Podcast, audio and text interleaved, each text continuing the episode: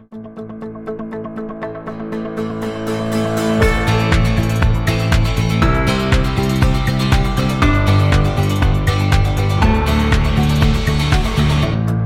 og velkommen til Sirkuler, AFA Norges podkast om sirkulærøkonomi og resirkulerte råvarer. Gjest i dag er Johannes Daae, som er utviklingssjef i Grønt punkt Norge.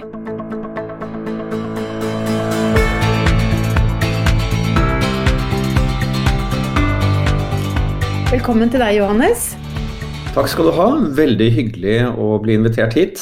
Vi skal snakke om, eh, litt om plast og litt om eh, atferd og miljøpsykologi, og vi får se hvor vi, hvor vi ender hen i dag. Men du mm, jobber jo nå i Grønnpunkt Norge.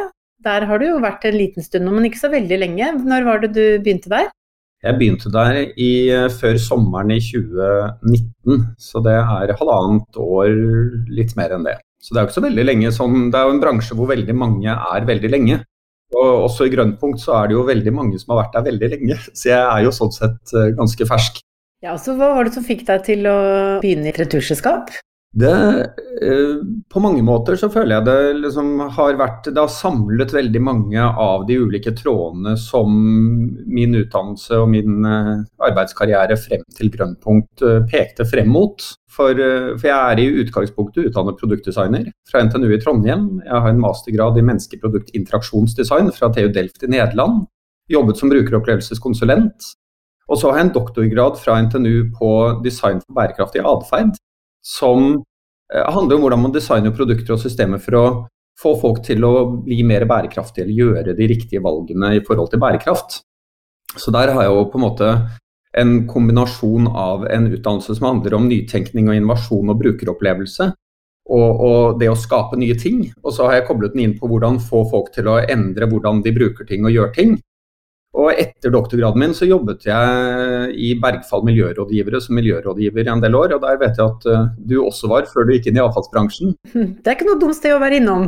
Nei, da lærte jeg veldig mye, og der jobbet jeg veldig mye med livsløpsanalyse og med sirkulær økonomi og i en del med krysningspunkt av de to, og hvordan formidle dette til folk som ikke nødvendigvis er eksperter på det. Så der fikk jeg jo eh, altså eh, mye mer tyngde innenfor bærekraftsarbeidet utover på en måte det jeg hadde akademisk eh, med kurs i LCA fra NTNU på ph.d.-nivå og den typen ting. Men, men, så det var på en måte kombinasjonen av det å skulle tenke, med, tenke på innovasjon, tenke på utvikling, hvordan er det vi kan forbedre ting, tenke på brukeropplevelse, tenke på atferdsendring med kildesortering og alt dette, og bærekraftstematikken. Hvor jeg jo følte at da det var utlyst en Opprinnelig var det en prosjektlederstilling i utviklingsavdelingen i Grønnpunkt som jeg ble ansatt på. Men den fikk da umiddelbart tittelen eh, økodesigner da jeg begynte. Og nå før sommeren, da tidligere utviklingssjef Lars Brede sluttet, så tok jeg over den rollen. Så på mange måter føler jeg jo litt at jeg har eh, kommet hjem der jeg virkelig har en mulighet for å kunne bruke eh, all kompetansen min fra alle aspekter på å skulle prøve å gjøre verden til et bedre sted. Altså, Det pleier å være et, eh, sjakktrekk. Man, man, føler på den måten at her får jeg brukt virkelig alt jeg kan og alt jeg har lyst til å, å jobbe med. Så den, den, den, veien dit, da. Hva, hva mm, hva var det som kanskje var det aller viktigste for deg mer sånn personlig? De valgene du har tatt, måte, det som førte deg inn i avfallsbransjen? Og... Altså, jeg har eh, en, Min karriere sånn utdannelsesmessig har vært veldig preget av to bøker, egentlig. Det første var i, eh, på NTNU, hvor jeg i tredje året leste uh, design, uh, the, the, design of Everyday Things av Donald Norman som gjorde at jeg ble dypt fascinert av interaksjonsdesign. Altså hvordan fysiske objekter er utformet og påvirker måten man bruker ting. Og som var grunnen til at jeg da valgte å ta mastergraden min i Delft i Nederland, som var det universitetet som jeg fant ut at var best på akkurat dette feltet i verden. Eh, og mens jeg holdt på der nede, så leste jeg en bok av John Tackera som heter In the, Bubbling, eh, in, in the Bubble Designing in a Complex World som gjorde at jeg innså at jeg egentlig hadde en utdannelse med å lage nye duppedingser for å få folk til å kjøpe ting som verden egentlig ikke hadde godt av. Og jeg, altså, Da jeg var barn, så var jeg veldig ivrig WWF-medlem og den si, den bærekraftsbiten har alltid vært der. Jeg har alltid vært veldig glad i naturen, men jeg hadde ikke tatt det på en måte bevisste standpunkt i forhold til min egen yrkeskarriere og hva jeg skal bruke livet mitt faglig til, før den boken av Tackera Eh, som gjorde at jeg i løpet av mastergraden leste veldig mye bærekraftsrelatert designlitteratur. Og, og, var veldig bevisst på at da min første jobb som handlet om brukervennlighet og interaksjonsdesign, så var jeg veldig bevisst på at jeg skulle i hvert fall jobbe med det hvor jeg bare liksom, Jeg hadde en minimalt impact på verden, og jeg jobbet bare med å lage mer brukervennlige applikasjoner og nettsider og sånn uten å skulle lage enda en ny duppedings eller mobiltelefon eller hva nå det var, som ville være enda mer ressurskrevende og sette enda større press på uh, omgivelsene. Uh, og så var det en modningsprosess derfra til da å, å, gå til det skritt å ta en doktorgrad, uh, som jo er et virkelig dypdykk inni det. Ja, Det som eh, jeg syns er en veldig spennende utvikling nå, det er at jeg syns at den kunnskapen som, som du har, da, og det, de tingene som du beskriver nå, både kunnskapen og interessen og forståelsen for uh, hvor viktig uh, dette er, og den, den, interaksjonen mellom menneske og system, og hvor viktig designen er ikke bare for eh, Vi snakker mye om design for gjenvinning, og det har vi jo snakket om eh, i mange år. Det har vi litt lett for å glemme, men det har vi. Men den, eh, kanskje den menneskelige komponenten da, inn i det, og den helhetsforståelsen der, det syns jeg er veldig spennende, den kunnskapen som, som, du har. Så nå har du kommet inn i, i et returselskap, Grønnpunkt Norge, og er du nå, etter å ha vært her i godt og vel halvannet år, hvordan, hva vil du si er Hva betyr produsentansvaret egentlig? Produsentansvaret er jo et godt prinsipp. Hvor, altså det er jo polluter pace-prinsippet. At det er den som eh, forårsaker problemet, som har ansvar for å løse det.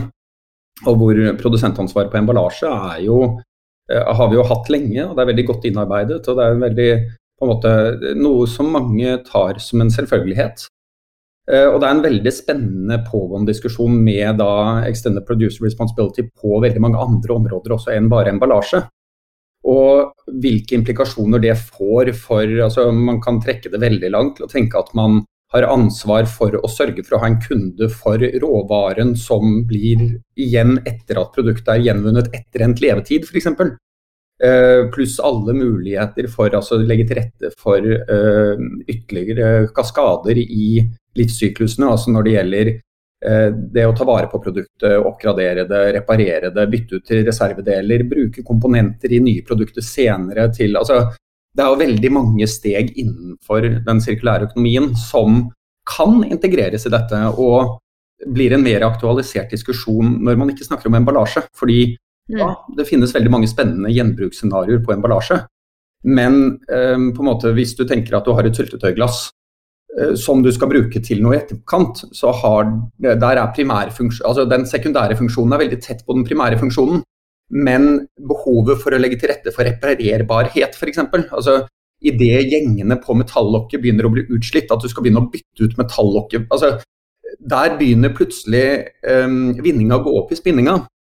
Og det er noe av det jeg eh, var veldig opptatt av før jeg begynte i Grønnpunkt, men også er opptatt av her, er jo å se på koblingene mellom sirkulær økonomi og livsløpsanalyse. Se på hvordan det å beregne miljøbelastningene fra hele livsløpet og i de ulike fasene eh, kobles sammen med sirkulær økonomi og et ressursregnskap. Og, og, der er det jo rett og slett slik at det, i noen tilfeller så, så vil det være Altså sirkulærøkonomien er ikke nødvendigvis lønnsom. Eh, og i noen tilfeller er de også emballasjevariantene som har det laveste klimapåvirkningen, er også dårligst på sirkulær økonomi. Slik at du ut fra hvilken bærekraftsperspektiv du ser på tematikken, så kan det være ulike emballasjeløsninger som viser seg å være den mest bærekraftige. Mm. Uh, og Det er et område som vi jobber mye med nå. Nå skal, har jeg nettopp fått finansiering fra Forskningsrådet hvor jeg skal være biveileder på en stipendiat som skal jobbe dedikert på å se på akkurat denne tematikken på matemballasje for plast og sånn. Uh, jeg har jo en 20% stilling på Oslo OsloMet, hvor jeg er førsteamanuensis. Og veileder en del både studenter og stipendiater og mm. studenter med prosjekter med, med, medlemmer av oss og sånn også. Så det er jo en tematikk som vi utforsker ganske mye også, og prøver å på en måte hjelpe medlemmer å holde tunga rett i munnen og i hvert fall reflektere rundt det. For du får ikke et svar med streker under alltid. Nei, Du har jo eh, kommet inn, du nevnte jo at du, at du gikk i din egen utdanning, tok en doktorgrad, og nå har du den posisjonen på Oslo OsloMet. Jobber med veilederstudenter. Så hvordan opplever du den Altså det er jo en, en, betydelig akademisk komponent her, da. Uh, mens avfallsbransjen har jo mye um, erfaringskompetanse. Det er jo det er mye drift. Hvordan opplever du å komme inn med en sånn betydelig grad av, av vitenskapelig tilnærming? Uh, er det lett å anvende inn i, i den bransjen her, syns du? egentlig nesten overraskende stor grad. Altså, Grøntpunkt Norge er jo et selskap som i alle år har vært faktabasert og vært uh, opptatt av hva faktisk som fungerer i nedstrømsløsningen, hva som er de reelle altså, altså tilbakemeldingene fra sorteringsanleggene og gjenvinningsanleggene. Og bruke den kompetansen til f.eks. design for gjenvinningsrådgivningen, som, som var gjort også lenge før jeg kom inn i dette. Og Grønnpunkt Norge har også alltid vært veldig tungt involvert i masse forskningsprosjekter og involvert i en kaskade av ulike prosjekter som også drives av utdannelsesinstitusjoner og forskningsinstitusjoner, og har nært samarbeid med veldig mange. Så på mange måter føler jeg at har uh, At det er lettere å få gehør for en tung akademisk tilnærming der man skal være veldig rigid på at det skal være faktabasert og ikke synse. Og at avfallsbransjen sånn sett er bedre enn en del andre bransjer, hvor jeg har opplevd i større grad at folk har ristet på hodet og lurt på hvorfor jeg kaster bort fire år av livet på å ta en doktorgrad. Mens jeg i, eh, hos Grønnpunkt og også hos våre medlemmer og andre organisasjoner opplever tvert imot at folk syns det er spennende, og at um, det å, si, Det gir en trygghet av å vite at når man gjør en, et forsøk, en test, så er det faktisk en kunnskap om hvordan dette skal gjøres i en etterprøvbar verden og i en vitenskapelig verden med eh, rigide metoder og systemer som gjør at det er ordentlig, og at det ikke er eh, synsing eller nå har man en fiks idé eller hiver seg på en bølge eller altså den typen ting som, eh, som man jo av og til dessverre også støter på. Og, eh, men mitt inntrykk er at de fleste er veldig forsiktige med å komme med påstander som kan beskyldes for grønnvasking f.eks. Det hender at vi støter på det, og det er veldig ubehagelig. Men, men jeg syns i utgangspunktet at, uh, at, jeg opplever positiv tilbakemelding på, på å si at jeg har en idealistisk og vitenskapelig tilnærming til jobben jeg gjør. Men det skal jo ikke stikkes under en stol heller at utviklingsavdeling Grønnpunkt Norge er jo en hakket mer tungt akademisk avdeling. altså Vår fagansvarlige materialteknologi har en doktorgrad i polymer, polymerkjemi. Og vi har, eh, analytikeren vår har en nesten ferdig doktorgrad, så vi vi har jo ganske høyt nivå eh, i avdelingen også der, da. Mm. Du holdt jo et innlegg på et fredagswebinar et av, i webinarserien til, til Avfallsforsk, hvor jo nettopp temaet var design for gjenvinning og eh, hvordan kan vi da sikre en helhetlig verdikjede. Og, um, det er jo et, et, eh, et begrep som du brukte, som jeg syns er en, en, eh, Det gir en veldig tydelig eh, retning på hva vi jobber med, og det er lekkasjeproblematikk. Når vi ikke når det målet som, eh, som vi ønsker, og som publikum og samfunnet forventer. Mm. Um, da ser jeg bort fra myndighetenes krav, fordi um, til kanskje manges overraskelse så ligger vi ikke så dårlig an i forhold til myndighetenes krav, men i forhold til hva publikum forventer. En systematisk tilnærming ved å bruke lekkasjebegrepet, da. Um, hvor er det lekkasjen oppstår, og hva kan vi da gjøre for å tette den? Du hadde jo da en veldig fin gjennomgang, og de som uh, har lyst til å både se innlegget ditt og, og se presentasjonen, de kan gå inn på Waste Community. Fikk jeg sagt det? På, der, der, ligger det opptaket. Men kan ikke du si litt om den, hvordan du tenker rundt den Hvordan kan man da systematisk se på, på lekkasjen i hvert ledd i den verdisirkelen, og, og hvordan kan man jobbe med det? Ja, altså det, det, er jo en tilnærming som i og for seg var ut, utbrodert og brukt i Grønnpunkt før jeg kom inn der, så dette er ikke noe jeg skal ta æren for å ha, ha introdusert. Um, jeg har laget um, en del bølger siden jeg kom inn i bransjen, men det var ikke en av mine. Men, men altså det handler jo om å identifisere hvor er det faktisk eh, problemet er. Hvor er det emballasjen forsvinner ut av kretsløpet. For i en ideell verden så er det slik at all emballasje vil eh, gå Altså du, du fyller produktet, du, du er emballasjen til vare på produktet gjennom en transport og en salgssituasjon og hjem til forbruker, og så på et eller annet tidspunkt, som, og det er et tidspunkt som jeg som da atferdsdesigner syns er veldig interessant, det er jo det øyeblikket at emballasjen går fra å være emballasje, som er en del av et, et salgs- og logistikk eh, og matsikkerhet eller produktsikkerhetskretsløp og, og perspektiv, og i det øyeblikk du åpner den, så slutter den å være emballasje, og den blir avfall. Og, og da er det to forskjellige systemer, nemlig da emballasjesystemet og eh, det lokale innsamlingssystemet der du bor, som skal møtes. Og den aktøren som skal gjøre overgangen fra dette som var emballasje som er avfall, inn i kildesorteringssystemet, det er en forbruker som gjerne er opptatt av helt andre ting. Altså det kan være Eh, hvis det er tacolefseemballasjen, tacolefse-emballasjen, så, så, går det er fredag kveld og gullrekka er på, barna kyler og er sultne i sofaen og eh, tacokjøttdeigen er klar i pannen. Og Det er da du skal åpne lefsepakken og slenge den i ovnen. Og Samtidig skal du prøve å finne ut hvordan du skal kildesortere denne kanskje multimaterial eh, papir, plast, laminatemballasjen med merkelig merking eller noe sånt. Og Akkurat det øyeblikket er veldig interessant. Hvor er det på en måte kretsløpet hvor, hvor, er det ting forsvinner fra kretsløpet? For i en ideell verden vil jo alt gå inn i riktig kildesorteringsstrøm. Og alt blir sortert riktig. Og alt egner seg til gjenvinning. Og alt blir gjenvunnet slik at du har en like stor masse som ender som regranulat til slutt og kan bli til nye høyverdige produkter. Det er den ideelle verden. Den verden er vi ganske langt fra, spesielt for plastemballasje. Uh, og det å da gå gjennom og se hvor er det det er viktigst at vi gjør tiltak for å få mest mulig til å komme dit. Og for husholdningsemballasje på plast så er det jo langt over halvparten som forsvinner på kildesorteringsleddet. Altså at forbruker kaster det feil, kaster det i restavfallet istedenfor i plastinnsamlingsstrømmen. Og, og, det er jo til og med noen som ikke tror på, dette ble jo åpenbart i høst da det var dels Folkeopplysningen og den påfølgende debatten på NRK som jeg fikk gleden av å være med på, at der er det jo også en del som ikke tror på, som bevisst velger å ikke kildesortere fordi de mener at det er så mye som går til forbrenning. Og det, altså Responsen der er jo at ja, det er eh, omkring 70% av det som samles inn av plastemballasje ved husholdninger i Norge, blir, går til materialgjenvinning. Til det vi rapporterer til myndighetene. Det betyr at 30% forsvinner. Men, men det kommer jo av at emballasjen da er designet på en måte som gjør at den sorteres feil, eller den ikke er egnet for gjenvinning. Eh, men det er 70% som går til gjenvinning. Mens hvis du velger å kaste restavfallet, så er det 100% som går til forbrenning istedenfor 30% Så hvis du er redd for at det går til forbrenning, så er det jo veldig kontraintuitivt å skulle da boikotte systemet og kaste restavfallet. Men den tilnærmingen og det å identifisere at her er det en stor lekkasje. Her må vi gjøre tiltak. Vi må jobbe for å sørge for at eh, emballasjen er designet slik at det er mer intuitivt, at den merkes på en ny måte eller en bedre måte, at det er enklere for forbruker, og at måte den, den overgangen fra emballasjesystemet til innsamlingssystemet fungerer enklest mulig, og at det er mest mulig intuitivt.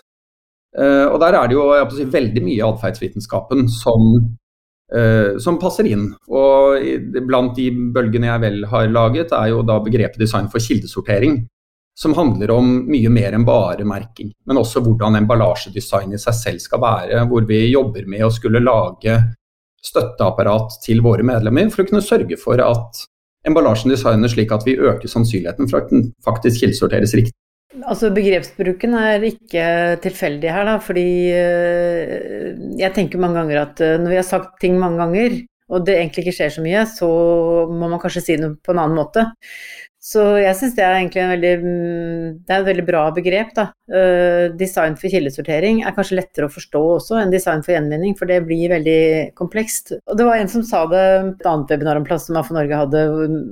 Vi må huske på at emballasjen er jo faktisk ikke laget for å gjenvinnes. Altså den, den, er laget for, for, å emballere et produkt med alle de hensynene som skal tas. Er det mulig å si hva er det aller viktigste for en, en eh, forbruker, en innbygger, Eh, som skal kildesortere? Er det mulig å si liksom må, Vi må i hvert fall gjøre dette? Altså for produsenten som skal designe emballasjen, eller for forbrukeren? Ja, nå tenkte jeg for forbrukeren, men selvfølgelig eh, hva, du, Vi kan jo kanskje dele de to, da. Hva er det viktigste da med emballasjesystemet, og hva er det viktigste med avfallssystemet, sett med innbyggerens øyne? Det, det, aller enkleste er jo å sørge for at forbrukeren føler, seg, føler, at det er enkelt og føler seg trygg på hva man skal gjøre. Og Der er det jo masse forskning som viser at altså, jo større innsats du trenger å gjøre, jo mer motivert må du være for å gjøre det.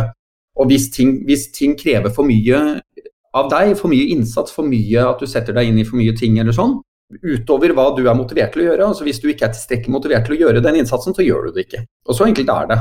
Så det å da sørge for at emballasjen er enkel og intuitiv, og det handler både om å bruke de nye merkene som har kommet, som jo jeg har veldig sansen for. Jeg fikk jo gleden av å være med og, og i sluttspurten av det prosjektet og på en måte komme med innspill til hvordan dette kunne bli best mulig.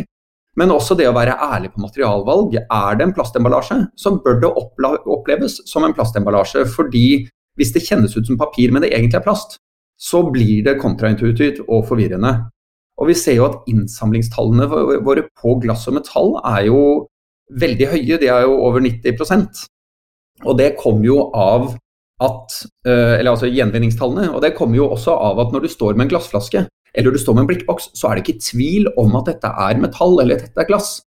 Men hvis du står der med en eller annen uh, multimaterial, plast, uh, papir, laminat, et eller annet, kanskje noe aluminium, et eller annet, så blir du forvirra. Og, og, det er et viktig, viktig grep. Uh, I tillegg til opplevelsen av at det har en verdi. en eller annen sånn veldig tynn plastfolie med masse kyllingsaft som lukter litt vondt og er litt ekkelt, oppleves også som at det har mindre verdi, som gjør at man kanskje er mer i tvil om hvor mye mer rengjør den og den typen ting. Som selvfølgelig kan kommuniseres bedre på emballasjen, i tillegg til at emballasjen kan da designes sånn at det er enklest mulig.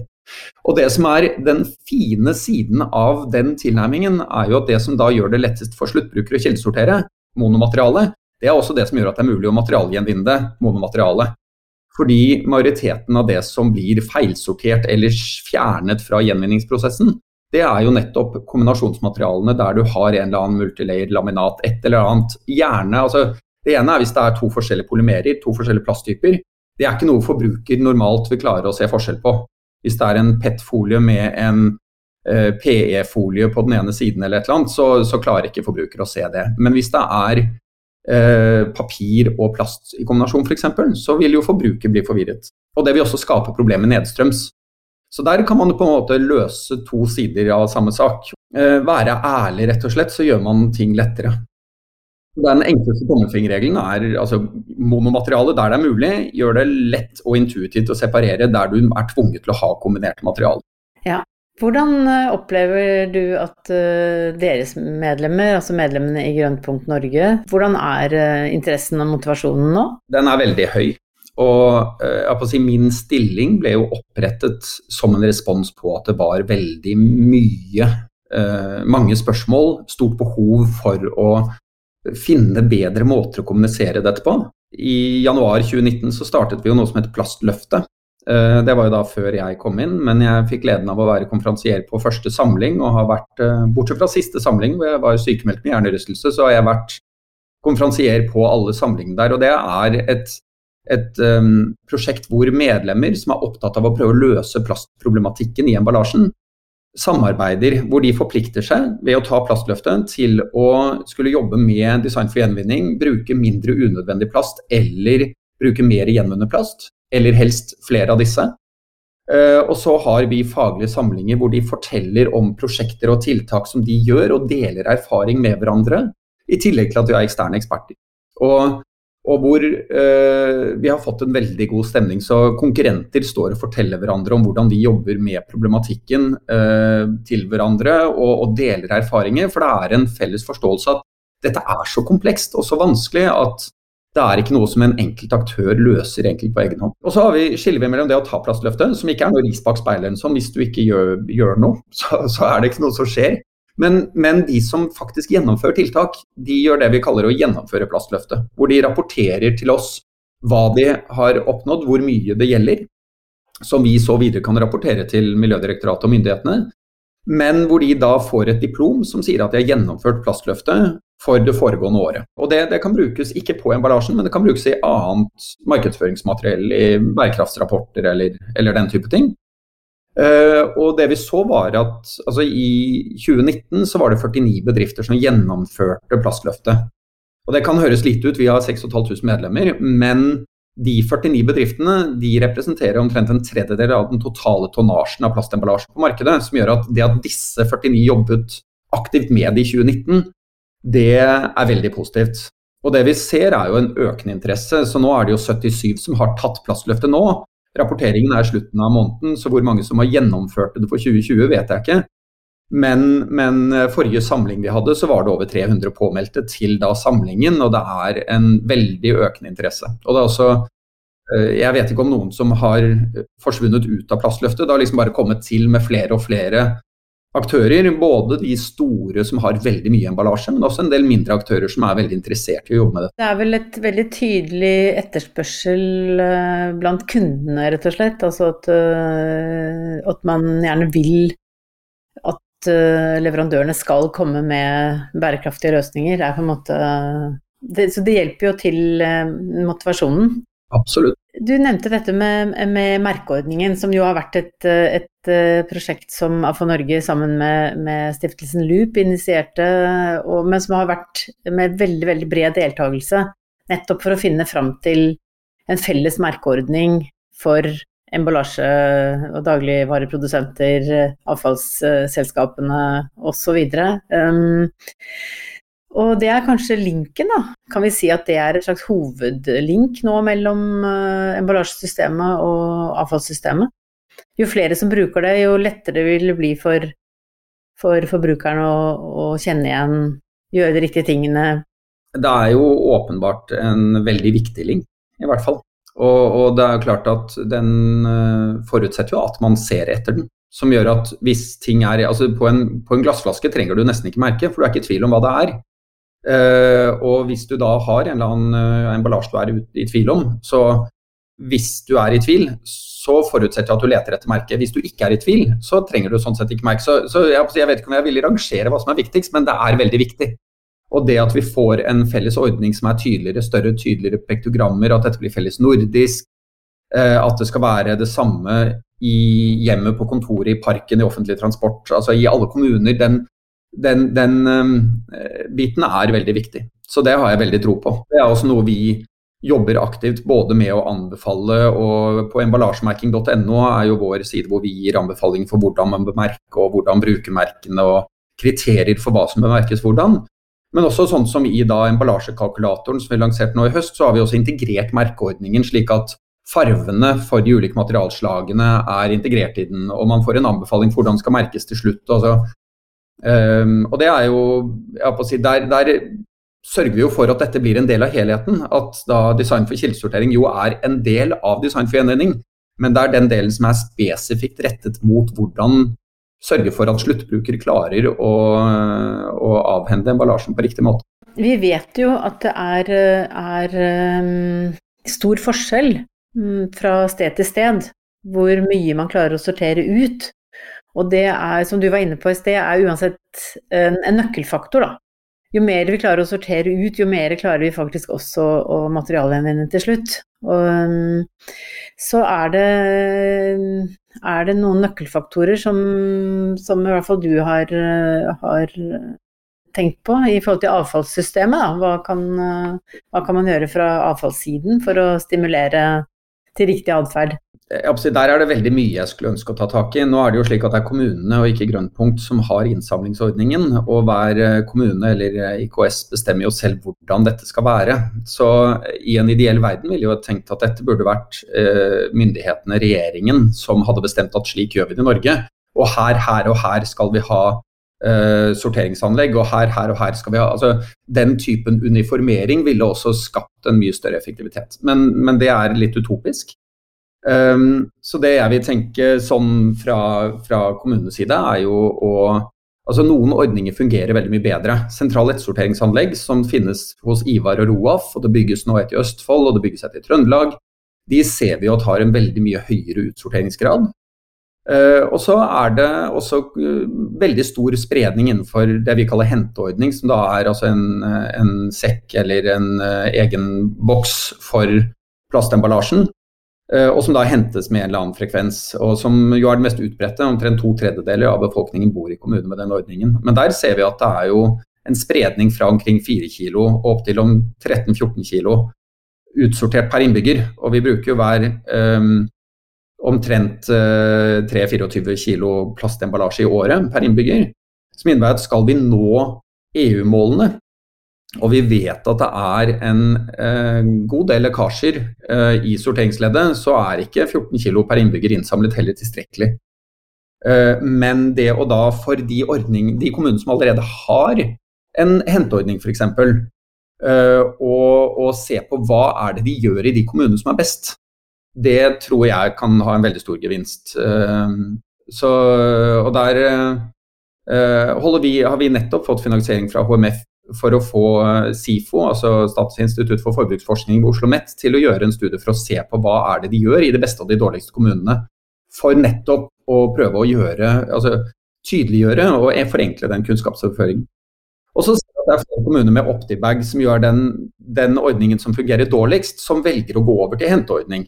Som, som jo sannsynligvis vil gjøre at det blir en høyere utsorteringsgrad i de kommunene. Mm. Smetter inn at HMF, da snakker vi handelsmiljøfond. Så jeg tror øh, Det jeg hører, er jo at det nå er øh, nye, spennende studier på gang. Og også en rekke verktøy som vil gjøre disse prosessene lettere. Øh, for å systematisere arbeidet i større grad fremover. Absolutt, og det er jo jeg på å si, min jobb som utviklingssjef i Grønnpunkt og min avdeling, jeg har jo tre kollegaer med meg, det er jo å skulle sørge for at våre medlemmer, altså de som setter emballasje på markedet, lykkes med å sette emballasje som er best mulig egnet for de nedstrømslesningene som faktisk fungerer, og som forutsetter at vi både har god oversikt over hva som skjer nedstrøms, og at vi klarer å kommunisere dette på en måte som gjør at det blir effektivt i deres arbeidsprosesser. Så der uh, har vi jo altså Kalkulatoren som jeg nevnte i sted, den er jo lansert nå i beta. Jeg håper å få den over i en 1.0, dvs. Si at vi stoler på som At resultatene blir helt riktige.